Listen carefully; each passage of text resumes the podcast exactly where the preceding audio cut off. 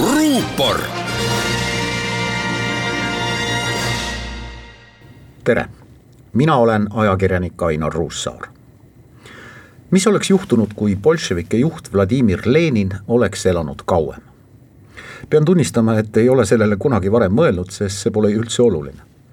ja kui Lenin olekski elanud kauem kui viiekümne nelja aastaseks, poleks see ajaloo kulgu kuigivõrd muutnud.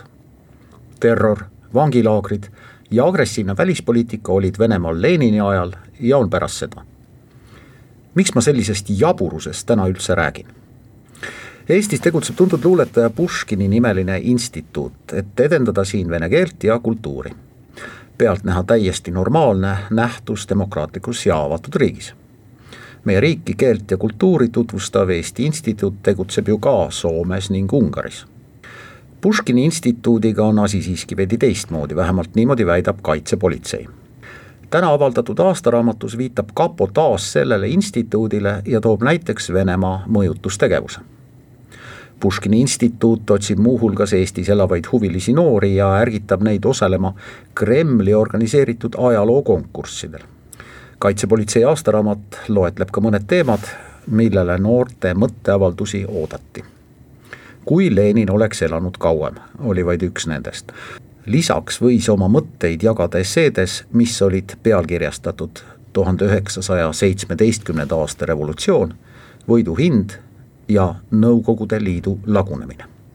eestlasi jätavad sellised Moskvast ette kirjutatud esseede teemad külmaks.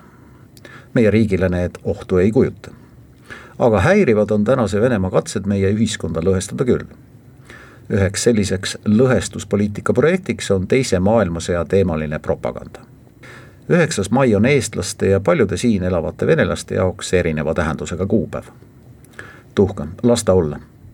aga kui ühe Tallinna Vene kooli juhtkonna heakskiidul levitavad õpilased oma tehtud video Pobeda seitsekümmend viis, pidades silmas mitte Nõukogude automarki, vaid Teise maailmasõja lõpptulemust, siis see on häiriv kui tänases Eestis elavad, õppivad ja kasvavad noored loevad Punaarmee vormis vene keeles ette stalinistlikke luuletusi, siis on see häiriv.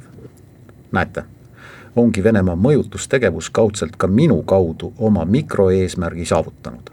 kapo viitab aastaraamatus sellelegi, et kakskeelne haridussüsteem soosib olukorda, kus just Venemaale õppima minek on paljudele meie noortele sundvalik sest nende eesti keele nigel oskus ei võimalda Eesti kõrgkoolidele mõelda.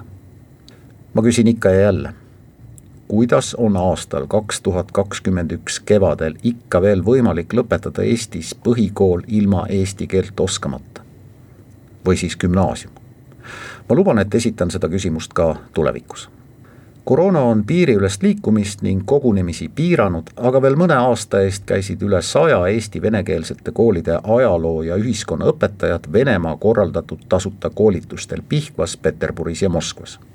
nii näiteks osalesid Kohtla-Järve, Narva ja Tallinna venekeelsete koolide õpetajad programmis, mille põhiteemaks oli sada aastat pärast tuhande üheksasaja seitsmeteistkümnendat aastat, objektiivne tagasivaade minevikku ja õppetunnid tulevikuks Pole raske oletada, mida need õpetajad hiljem oma ajalootundides sellest perioodist rääkisid.